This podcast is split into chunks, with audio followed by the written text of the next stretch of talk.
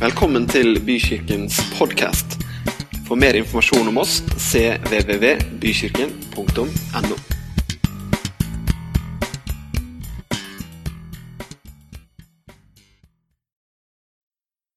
Herre, tusen takk for at du lever og bryr deg om meg.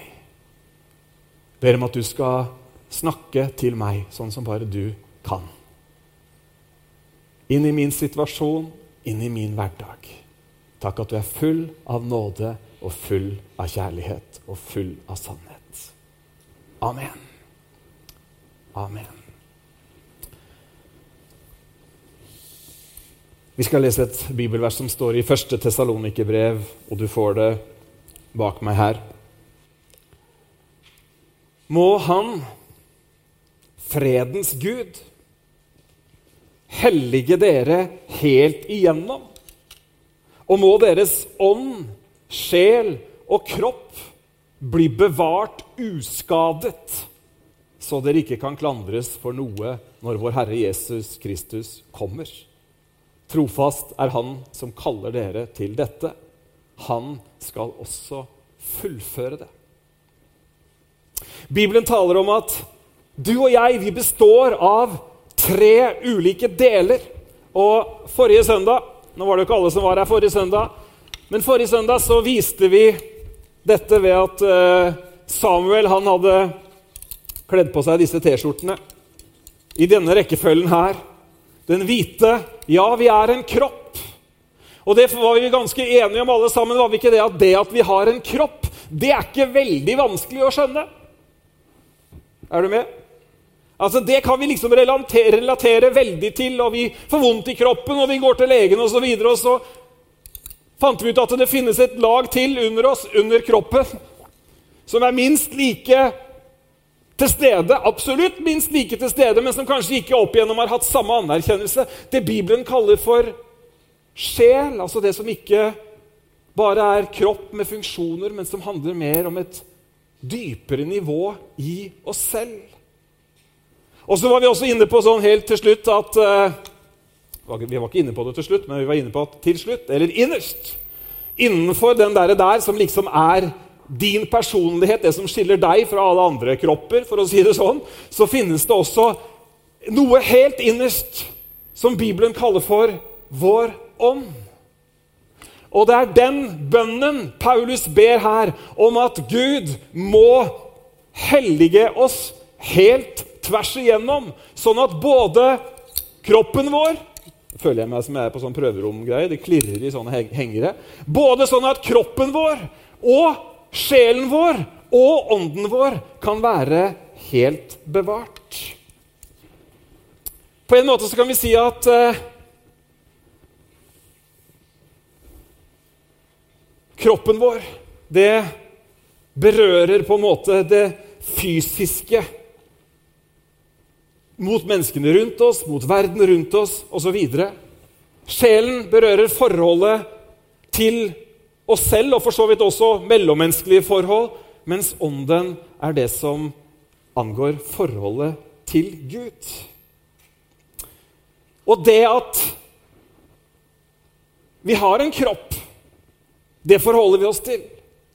Det at vi har en sjel, forholder vi oss også til, og i økende grad kanskje forholder vi oss til det. Erkjennelsen av at vi trenger en psykolog, eller at vi trenger folk som hjelper oss med den delen av livet, er også absolutt mer og mer akseptert. Heldigvis vil jeg si, så er det ikke så skambefengt å ha noen timer hos en psykolog i 2020 som det det kanskje var bare for noen få år siden. Men så er det sånn da at den åndelige delen, derimot, den vil jeg påstå at den er veldig lite anerkjent hva skal man si, i verden eller i samfunnet rundt oss. Litt tabloid sagt så ønsker staten at dette er noe vi holder for oss selv.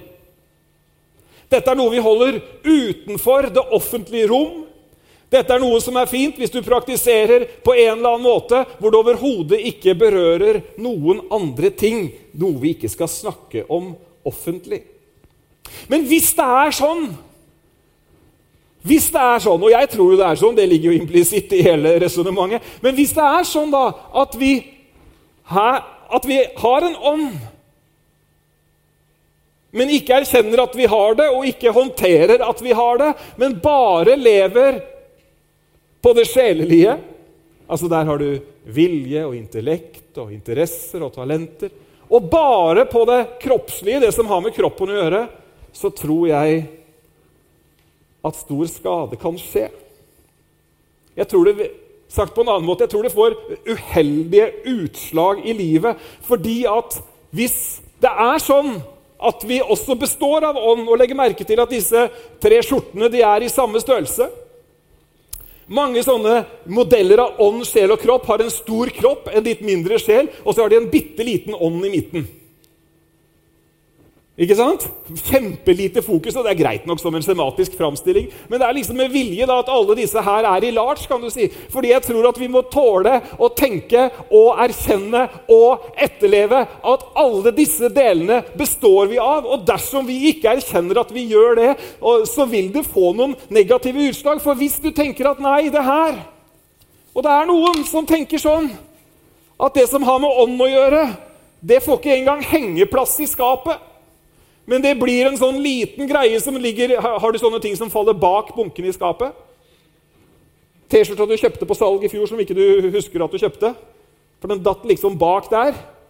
Og så kommer den bare fram hver gang du har sånn opprydning i skapet. Og det har visst ikke jeg ofte nok, så det kan hende at når den kommer fram i skapet mitt, at den ikke engang passer. Ikke sant? Men for noen så blir jo da den her, det blir en sånn liten greie ikke sant? som ligger øverst på hylla, og så tar man det fram i beste fall så tar man det fram på søndag. Ikke sant? Halleluja. Kjære Gud, nå er vi her igjen. Og så får vi en liten dose, eller vårt åndsliv, en tredjedel av oss, får et sånn bitte lite påfyll som gjør at vi holder hodet over vann lite grann til. Ja, Johannes 3, 16 var bra. Det var det jeg visste. Og dere ikke sier noe galt om Johannes 3,16. I love that scripture, but there is more. Det finnes noe mer. Og jeg tror at hvis vi ikke gir den der plass, rom osv. i livet, hvis du ikke gjør det, så kommer det til å få seg utslag. Det kommer til å være en tomhet, et rom som vi forsøker å fylle med andre ting. Det være seg karriere, det være seg nytelse av sunn eller usunn art. Vi trenger ikke å gå inn i alle detaljene, men den vil alltid være der. Og Vi ser det så tydelig i vår del av verden, hvor denne delen av livet ikke har fått veldig stor plass. Så ser vi jo det at til tross for at vi er vi har mest og er rikest, så har vi noen andre statistikker som ikke er gode i det hele tatt. Vi har noen statistikker på psykisk helse, utvikling av psykisk helse i en viss kategori spesielt, som ikke hører til de mest alvorlige diagnosene, men de som liksom er litt mer sånn det, det vokser. Og det vokser. Og det skulle egentlig ikke ha skjedd hvis det var sånn at hvis du bare fyller på der og der, så er alt bra. Må Han, fredens Gud, hellige dere helt igjennom kropp, sjel og ånd. Dette rommet her, denne delen av livet, er vi mennesker skapt med. Og så snakka vi jo i forrige gang da, nå skal jeg ikke bare preke forrige søndags preken, men vi jo om forrige gang hvordan dette her skjedde med, med kvinnen og slangen og Adam og Eva osv. Som, som fikk denne her delen av seg frastjålet som fylte den med seg selv og sin egen vilje. Men rommet, tomrommet eller ånd, den åndelige delen, den forsvant ikke. Og helt siden den gang så har også mennesker rundt om kloden forsøkt å fylle den delen av livet med ulik åndelighet. Og all åndelighet er overhodet ikke bra. Det er veldig viktig å sette en strek under. det er veldig tydelig. Men vi forsøker å fylle det med et eller annet. Og så har vi Kirken, da. Hvis vi liksom skal ta kirkehistorien fra, apostlenes gjerninger og fram til nå, i løpet av to setninger, så kan vi si at etter hvert som Kirken har blitt mer og mer organisert, så har den åndelige siden blitt mer og mer utradert. Den har det. Mer systemer, mer ordinasjoner, mer, mer, det ene og det andre. Klart og tydelig definert. Og så er det forkynnere i ulike trossamfunn, pastorer og prester i ulike trossamfunn i dag, som når de får et spørsmål om hva Den hellige ånd, om åndslivet, hva det er for dem i dag, ikke har noe å komme med i det hele tatt, men som henviser til en setning i en trosbekjennelse. Det er sjokking, rett og slett. Men der er vi faktisk. Og så er det faktisk ikke sånn at Man har jo forsøkt på ulike måter å påføre den her, hva skal man si, åndeligheten, eller ta hånd om den, ved å nærmest gjøre det til en plikt å gå i kirke. Men vet du hva? Du blir ikke åndelig av å gå i kirken heller. Det er kanskje riktig retning, og det kan hjelpe på. Men åndsdimensjonen i deg og meg, den starta når vi tok imot Jesus Kristus som vår frelser og Herre. Og Johannes, nei, unnskyld, Paulus sier i 1. Korinterbrev 5. Derfor kunngjør jeg for dere at ingen som taler i Guds ånd, sier 'forbannet er Jesus' og ingen kan si 'Jesus er Herre' uten i Den hellige ånd. Når vi tror på Jesus, dere, og det vet jeg at alle her gjør, så får vi Den hellige ånd. Da er det noe som flytter inn i, delen, i den delen av oss ånden tar bolig i vårt hjerte. Det er utgangspunktet for det jeg skal si i dag. Ånden har tatt bolig i ditt hjerte. Hvis du bekjenner Jesus Kristus, du har tatt imot Han som din frelser, så er det utgangspunktet. Og så er Bibelen krystallklar og tydelig på at som kristne, som etterfølgere av Jesus, så finnes det en vandring fra vi tok imot Jesus som frelser, og framover. Og den vandringen, det livet, handler om at vi vokser, og at vi modnes som troende. Paulus for eksempel, han er så radikal mot en del av de menighetene han driver og har kontakt med, at han til og med kaller de for spedbarn i Kristus. Han sier, vet du hva, dere som har fått Ånden, dere som allerede har liksom fått hele himmelen til stede inni dere, dere er jo som småunger å regne.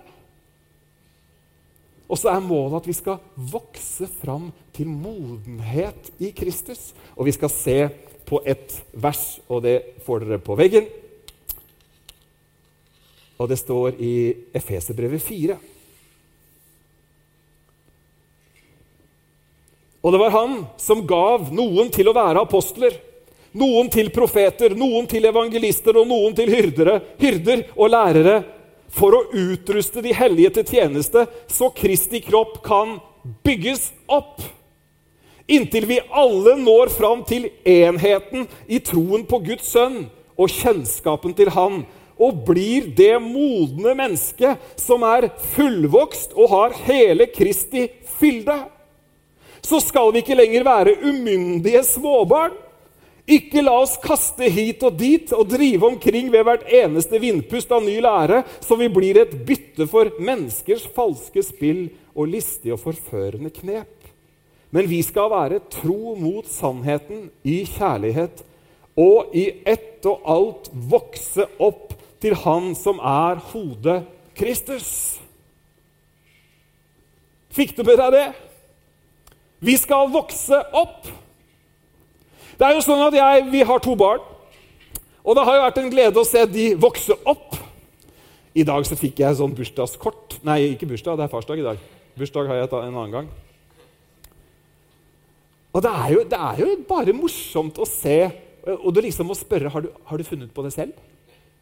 Har du, du, du har laga det sjøl? Ja, jeg har laga det sjøl. Ok. Hvorfor syns jeg det er morsomt? Jo, fordi at det, det kortet ser litt annerledes ut i år enn det det gjorde i fjor. Både hvordan bokstavene er utformet, og hva slags ord de har valgt. Og, og hele, hele, liksom, hele, produksjonen er veldig annerledes. Jo, fordi det har vært en vekst. Og på samme måte så ønsker Gud vi om det forrige gang, at vi er født på ny. Et nytt liv har starta. Gud han har et ønske for deg og meg. og vet du hva Det er Det er at vi skal vokse opp sånn at vi blir modne, sånn som Kristus var moden. Nei, nå tar du i kraftig, Bent Ove. Skal vi helt opp på det nivået? Ja, Bibelen sier at vi skal helt opp på det nivået. Vi skal bli dannet lik ham. Amen. Men hvorfor skjer ikke det, da? Oi, Det var et ubehagelig og direkte spørsmål. Hvorfor skjer ikke det at vi kanskje jeg vet ikke, hva, Kanskje du tenker at du har nådd full, full modenhet? Da vil jeg gjerne ta en prat med deg etterpå. Få noen sånne backstage-triks. Eh, men jeg tror vi alle dere, jeg tror vi alle kjenner på at Oi! Er det der jeg er? Du vet, Det er lett å klare å være salig og fin og prektig på en søndag når lovsangen er god. Ja, men det er ikke vanskelig. Du har kjempedrahjelp, og vi er, vi velsigna her i huset med utrolig god drahjelp. Tenk å ha hatt Gunnar på tromme, liksom. Altså, jeg mener, Hva mer kan du ønske deg når du skal prise Herren? Jeg vet ikke hva mer skulle ønska meg. Og så er det andre som smiler, og så kjenner vi at lyssettingen er god, og så halleluja. Ikke sant? Men hvis man ikke er moden, så møter man mandagen som den samme kjødelige personen, full av raseri, misunnelse og hele leksa. Fordi det var en som sneik foran deg i rundkjøringen. Åssen er liksom stemningen i bilen på mandag morgen når du sitter i kø?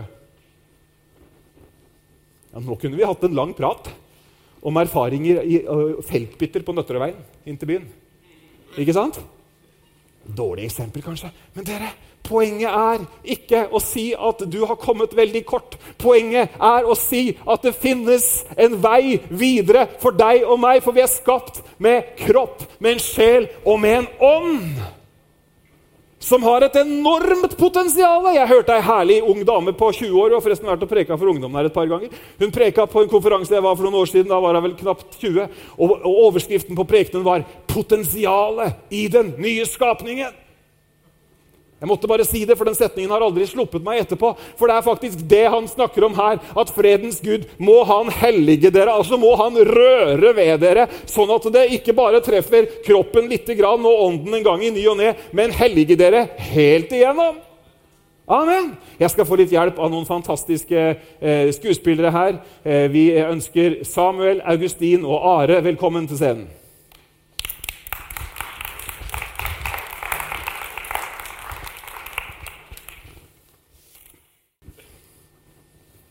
Som dere ser nå, så er det én ting mellom ånd Nei, unnskyld. Mellom kropp og ånd. Det er sjelen. Kan jeg ikke få litt hjelp av dere? Hva er sjelen? Hva ligger i sjelen? Tanker. Tanker. Følelser. Vilje. Personlighet. Jeget, ja. Arr. Veldig bra. Får nesten lyst til å legge til sår. Mm. Her ligger det ting. Og så snakka vi om forrige gang Husker dere at vi snakka om at du kan, du kan, at det er en sammenheng mellom kroppen og sjelen? Ikke sant? Du kan grue deg, til, grue deg til noe, det sitter i sjelen, men så gjør det utslag at du får vondt i magen. Ikke sant? På samme måte så er det forbindelse også mellom ånden og sjelen. Fordi at hvis du har gitt denne delen av Hvis du har fylt denne delen med Gud, for å si det på en annen måte, og du har skjønt hvem du er i Gud hva han har gjort for deg, da er det en viss fare for at det får en sånn eh, oppadsvingende humørbølge i sjelen. Ikke sant? Har du opplevd noen gang for eksempel, at du har vært på life-gruppe, og så kommer du hjem og så tenker ah, 'Jeg hadde neimen ikke lyst til å dra, men du verden, dette ga meg jo noe.' Noen som kjenner seg inn i det? Ja, Eller man kan kjenne igjen det samme etter en, etter en gudstjeneste som var sånn der, å, skal jeg dra på gudstjeneste i dag? Og så etterpå så tenker du hvordan kunne jeg i det hele tatt tenke, altså vurdere om jeg skulle eller ikke? Det gir meg jo noe. ikke sant? Hvorfor? Jo, fordi at eh, den åndelige delen av deg blir forsterket, den blir belyst. Er, er det too basic? Skjønner dere hva jeg snakker om? Og så nå skal jeg vise dere noe. Nå må du bare følge litt med på den, for nå skal jeg bort til høyttaleren og hente noe her. Kan ikke du holde i den der, Are? Ja. Og så kan du slippe den litt. Grann. Dette er startkabler i størrelse XXL. De er ikke kjøpt på XXL, men det er sånne lastebilgreier. Husker dere hva jeg leste til å begynne med i dag? Dette håpet har vi som et anker for sjelen. Bare ta opp den tråden. Det kristne håpet det sitter fast i hva Jesus har gjort på korset og som sjel Nå skal ikke jeg si at du er sånn, da, men som sjel så har vi en tendens til å vaie i vinden, drives hit og dit. Nå var det det som gjaldt, så var det det som gjaldt. Så skulle man være så høy man kunne, så skulle man være lav. Og så var det noe annet som traff deg i kroppen. Eh, en eller annen jente snudde seg feil vei. Nå er vi i ungdomsmøtemodus her. ikke sant? Og det gjør jo vondt i sjelen med en eneste gang. Du får ikke svar på siste melding på mobiltelefonen. Og du tenker at nå er alle, alle håp ute. Det var bare at hun hadde mista den i do. ikke sant? Så det var egentlig ikke noe osv. Men ikke sant, dere er med på de sammenhengene der? Så sjelen er utrolig viktig. Men for at du og jeg, da, skal, hvis vi skal tenke på, på kroppen For at du og jeg skal ha det bra, både i kroppen og i sjelen, så må vi være kobla til ånden, det åndelige. Eller vi må være kobla til Gud. Eller for å sagt det på en annen måte den åndelige delen av oss, den åndelige beholderen, må være full. Det må være noe å hente der. Og vet du hva? Skal, la meg si det så rett ut. Du må ha noe å hente! Fordi du trenger å fylles opp.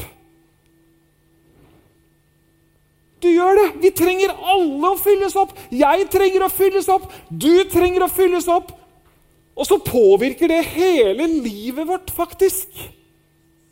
Nærmere deg sjøl. Noen ganger kan det være fristende å være veldig direkte. og Jeg sier, jeg sier ikke det som en, man si, en advarsel om at jeg skal være veldig direkte nå. Men noen ganger så er det litt kan det være litt enklere løsninger på å gjøre noe med hvordan vi føler at vi har det, enn det vi faktisk liker. For vet du hva vi veldig ofte tror?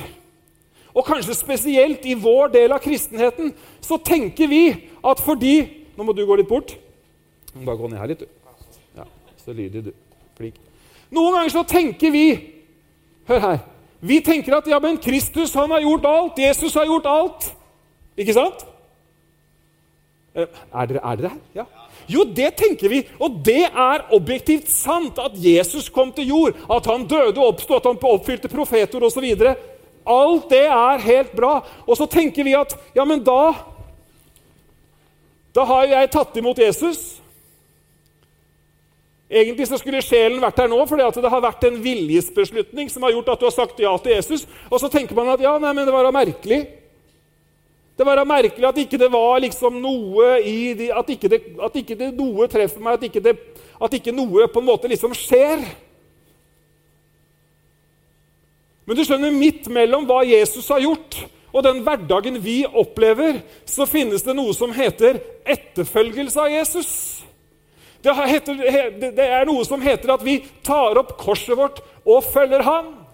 Det er noe som heter at vi hører hans ord og gjør etter dem. Ikke sant? Og Der kommer sjelen inn, og derfor så er sjelen veldig viktig. Nå må sjelen komme. Nå skal du få holde ledningen igjen her. Og så er det nemlig sånn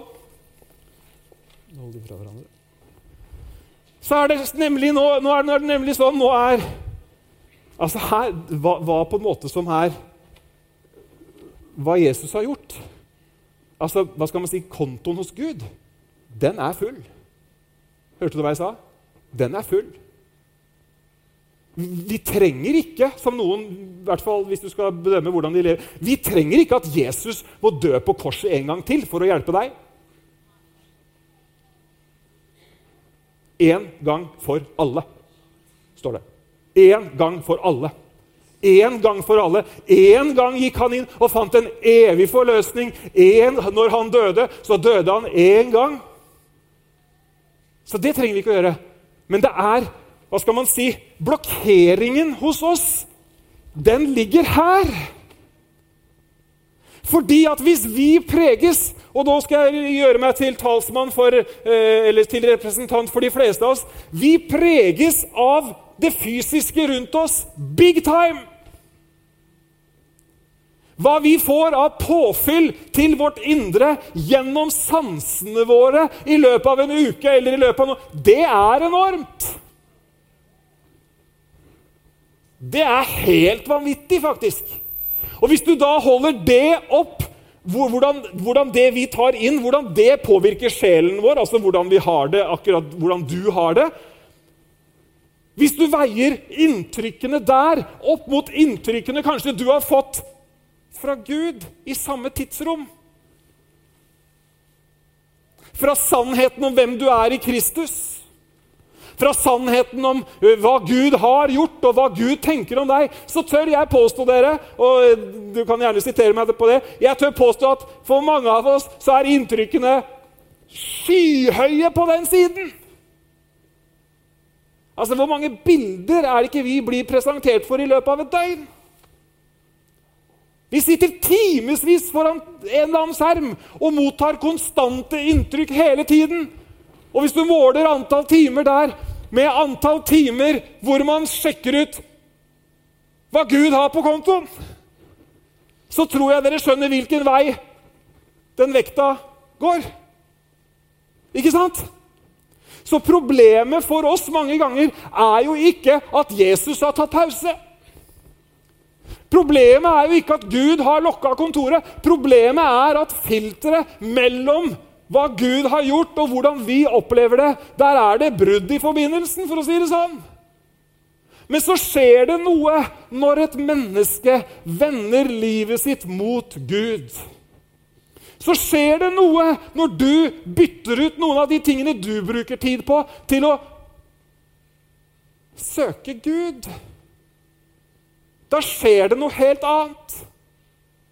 For det som skjer nå, som dere skal få se demonstrert, det er at nå har sjelen bestemt seg.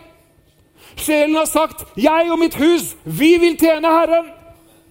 Sjelen har sagt 'Ja da, jeg tror på at jeg har en forgjengelig kropp'. 'Jeg tror at jeg også utsettes for det ene og det andre', men jeg tror også at det finnes legedom ved Jesus sår. La meg ta en liten parentes før dere får se dette her. Noen har jo ødelagt begrepet tro ved å si at ja, bare du tror nok, så kommer det til å skje et mirakel. Og så har man levd, Noen har levd i en sånn, en sånn greie at ja, nei, vet du, vi bare, bare, vi, bare, vi bare sier at vi er friske helt til vi er friske. Har du møtt noen sånne? De er så sjuke at de kan ikke stå på beina, men de er friske. Jeg er frisk. Jeg er frisk. Jeg er frisk. Jeg kjørte ei på sjukehuset en gang. Hun var fortsatt frisk. Hun blir liggende lenge, men hun var fortsatt frisk.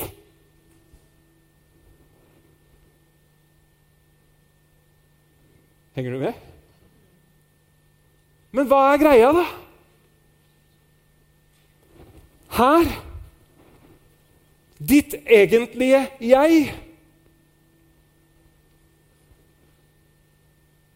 Vet du hva jeg tror?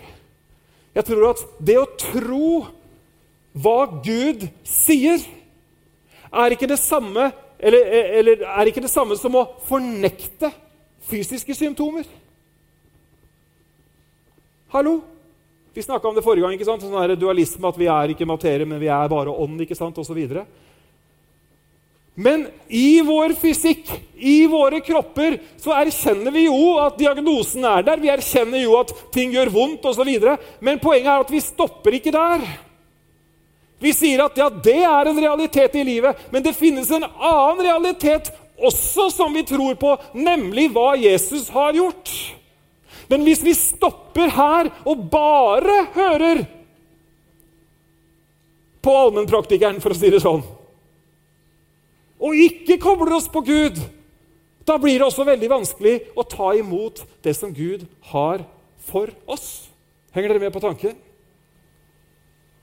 Noen nikker bekreftende. Nå skal vi se, for nå har han her, personen som dere nå ser i det, det, Snakk om splitta personlighet. Her er det one in three. Men nå har denne personen som vi ser personifisert i tre, bestemt seg. Jeg sjekker hva Gud sier om saken. Og når han gjør det, og slår de sammen, så skjer det jo noe. For hva er det som skjer når vi kobler, kobler oss på det som Gud har gjort for oss? Jo, da vil det faktisk få en effekt både i sjelen vår og i kroppen vår.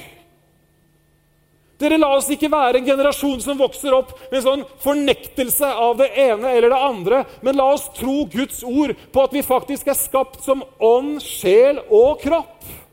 La oss lese et bibelvers. Dere kan få lov til å eh, slippe kablene. Jeg hadde tenkt å smelle litt mer, men nå virker det jo ikke lenger. Det var ikke noe som datt av der borte heller. Nei. Tusen takk skal dere ha.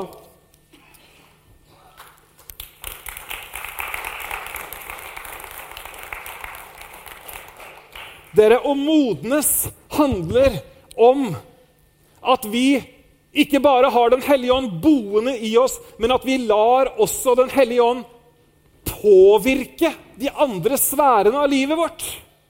For å holde oss til ukedager igjen, at vi ikke bare drar fram troen på søndag formiddag, men at vi drar den fram i hjemmet, at vi drar den fram på de ulike arenaene, sånn at Guds ånd får påvirke sjelen. Da blir det en endring. Og da kan faktisk egentlig alt skje. I Efeserbrevet 2, nei, unnskyld, 4 og vers 22 så står det Og det er akkurat dette vi snakker om. Lev da ikke som før, men legg av det gamle mennesket som blir ødelagt av de forførende lystne bli nye i sjel og sinn. Kle dere i det nye mennesket som er skapt i Guds bilde, til et liv i sann rettferdighet og hellighet. Kan det sies bedre? Her sier apostelen til menigheten, dere, det her gule, bli nye i sjel og sinn. Derfor er hele, hele Det nye testamentet har en mengde oppfordringer om hvordan vi skal la våre tanker, la sinnet vårt, fornyes. Hvorfor sier han det? Jo, fordi at alt det Jesus har gjort, det har han gjort. Og problemet er ikke at han ikke har gjort det, men problemet er at ikke vi har det framme i vår tanke og i vårt indre. Det er ikke internalisert i oss. Derfor så sier han så klart Kle dere i det nye mennesket. Hvis han hadde brukt T-skjortebildet mitt, så hadde han sagt 'Ta på deg den røde T-skjorta'. Hvis du husker én ting fra denne søndagen, om du bare husker én ting, så ta på deg den røde T-skjorta. Det finnes kraft i den røde T-skjorta, dere, som påvirker oss til det positive som gir oss ny kraft, sånn at vi kan leve et liv som Paulus her beskriver som et liv i sann rettferdighet og hellighet. Vi trenger dere at Guds ånd gjør tankene våre nye. At han gjør sinnet vårt nytt. Hva er det mange mennesker sliter med i tankelivet sitt? Mange føler seg ikke gode nok. Mange føler seg ikke bra nok. Mange føler at ikke de strekker til. Og så prøver vi å kompensere det med det ene og det andre. Men vet du hva? hvis du tar på deg den røde T-skjorta, så skjønner du Hvis du tar på deg det Jesus har gjort, og sånn han har skapt deg, så skjønner du at du er en ny skapning i Kristus. At du er skapt i Guds bilde. At synden, at skammen, at skylden er borte. Amen. Og jo mer du tar på deg den røde T-skjorta, jo mer bevisst blir du på det. Og jo mer bevisst du blir på det, jo mer preger det hverdagen din. Og det kan til og med hende at det preger deg helt ut i din fysiske kropp. Fordi ubehaget i din sjel, som har skapt smerter i din kropp Ubehaget blir justert med Guds velbehag. Amen. Anklagene blir erstatta med Guds kjærlighet og nåde. Er det rart vi kaller det gode nyheter? Så lett så har vi lett for å la det eneste speilet vi ser oss i, være det fysiske speilet. Menneskene rundt oss, påvirkning osv.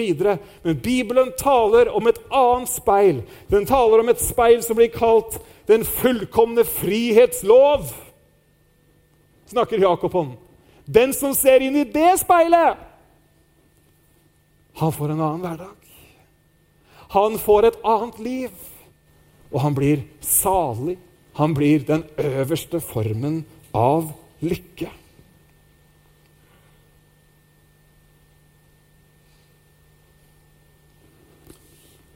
Hvis vi skal våge oss på å stille oss sjøl et spørsmål og sier hva, et, hva kjennetegner et åndelig modent menneske framfor et spedbarn eller et umodent menneske?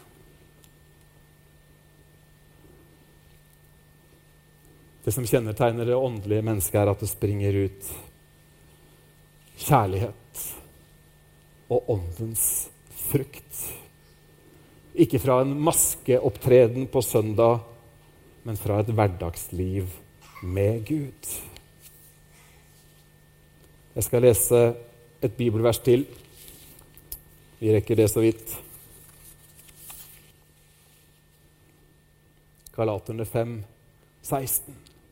Og dere, det deilige er jo å tenke at det er ikke bare vi som sliter med dette. Er ikke det fint? Er det ikke alltid befriende når du, når du tror at du er den eneste som har et problem, og så hører du at noen andre har samme problemet? Er ikke det litt deilig å kunne si ja, men da er vi i samme båt? Det er litt deilig. Ja, Det er faktisk det ofte vi syns det. Da føler vi oss ikke så liksom utsatt. Og vi er faktisk i samme båt med også de som var en del av de første menighetene i Det nye testamentet. For det er tydelig at Paulus han skjønner at her, her blir det brudd på ledningen. Her, her, sliter folk egentlig med å få tak i dette livet i ånden. Og han oppfordrer i Galaterne 5, 16. Jeg sier dere, Lev et liv i ånden. Ta på dere den røde skjorta. Da følger dere ikke begjæret i menneskets kjøtt og blod. For kjøttets begjær står imot ånden, og åndens begjær står imot kjøttet. Disse ligger i strid med hverandre, så dere ikke kan gjøre det dere vil. Men blir dere drevet av ånden, er dere ikke under loven.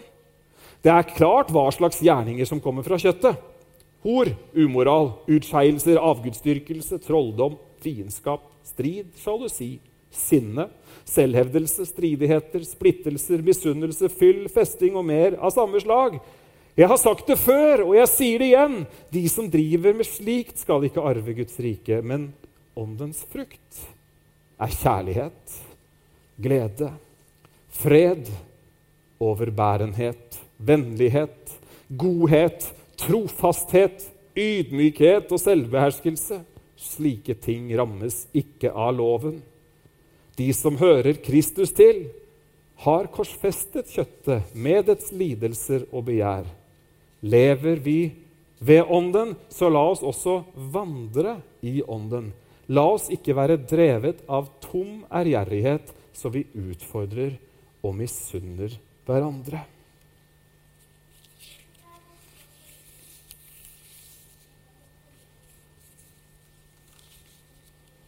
at vi modnes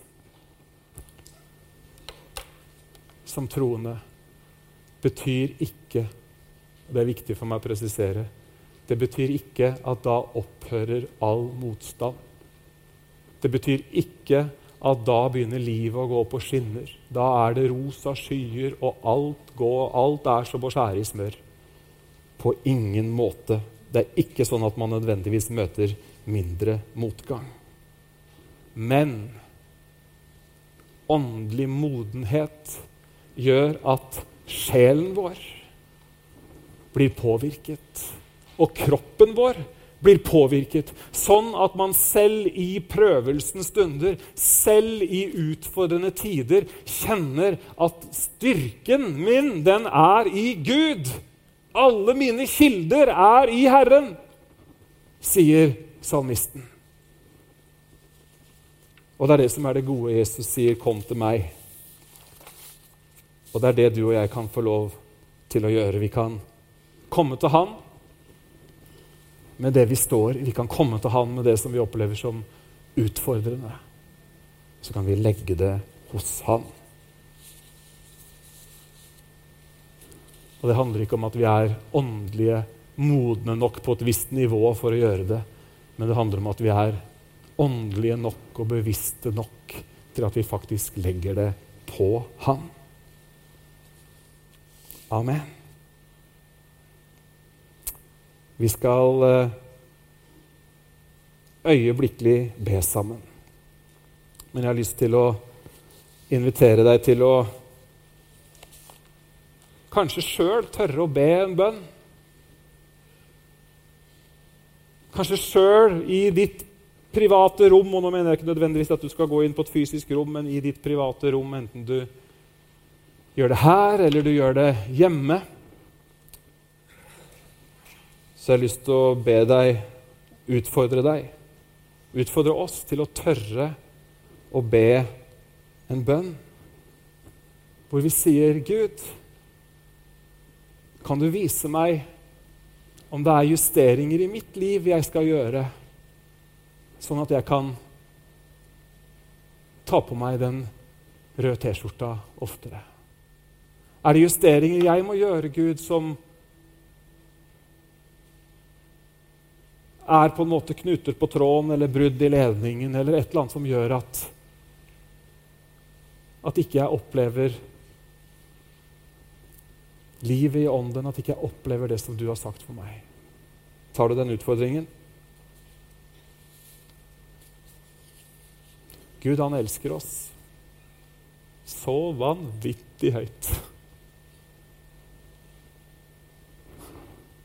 Så vanvittig høyt. Altså Hvis du tenker at, en, at du har kanskje en, en, en, i ditt liv som er en sånn superheier som liksom bare løfter deg opp ved hver eneste anledning, så overgår Gud det mange ganger. Han elsker deg, heier på deg, bryr seg om deg. Og han vil virkelig at vi tar på oss den røde T-skjorta, for å bruke det bildet. At vi tar på oss alt hva han har gjort, sånn at vi kan leve det livet i sannhet og rettferdighet som han har skapt for oss. Mens lovsangene kommer opp, så ber vi sammen. Paulus han ber for de troende, og jeg skal lese Vi skal be den bønnen sammen, som står i Efeserbrevet 3, og fra vers 14.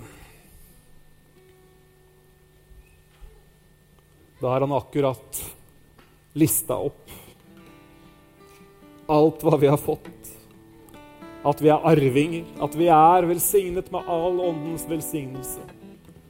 At vi har fått tilgivelse for syndene. At han har, han har, han har bretta ut. Og så kommer hjertet hans fram i denne bønnen hvor han sier, av denne grunn, av det jeg akkurat har sagt, bøyer jeg mine knær for vår Herre Jesu Kristi Far. Fra ham som ethvert farsforhold i den himmelske verden og på jorden har fått sitt navn.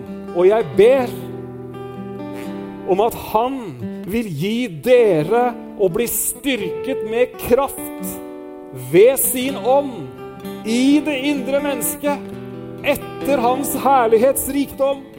Det vil si at Kristus kan bo i hjertene deres ved troen, idet dere er rotfestet og grunnfestet i kjærlighet, for at dere skal være i stand til å fatte, sammen med alle de hellige, hvor stor bredden og lengden og dybden og høyden er, og kjenne Kristi kjærlighet som overgår all kunnskap, for at dere kan bli fylt til hele Guds fylde. Han som er i stand til å gjøre langt mer enn alt det vi ber om eller forstår, etter den kraft som virker i oss. Han være ære i menigheten som er i Kristus Jesus, gjennom alle slekter i evigheters evighet. Amen.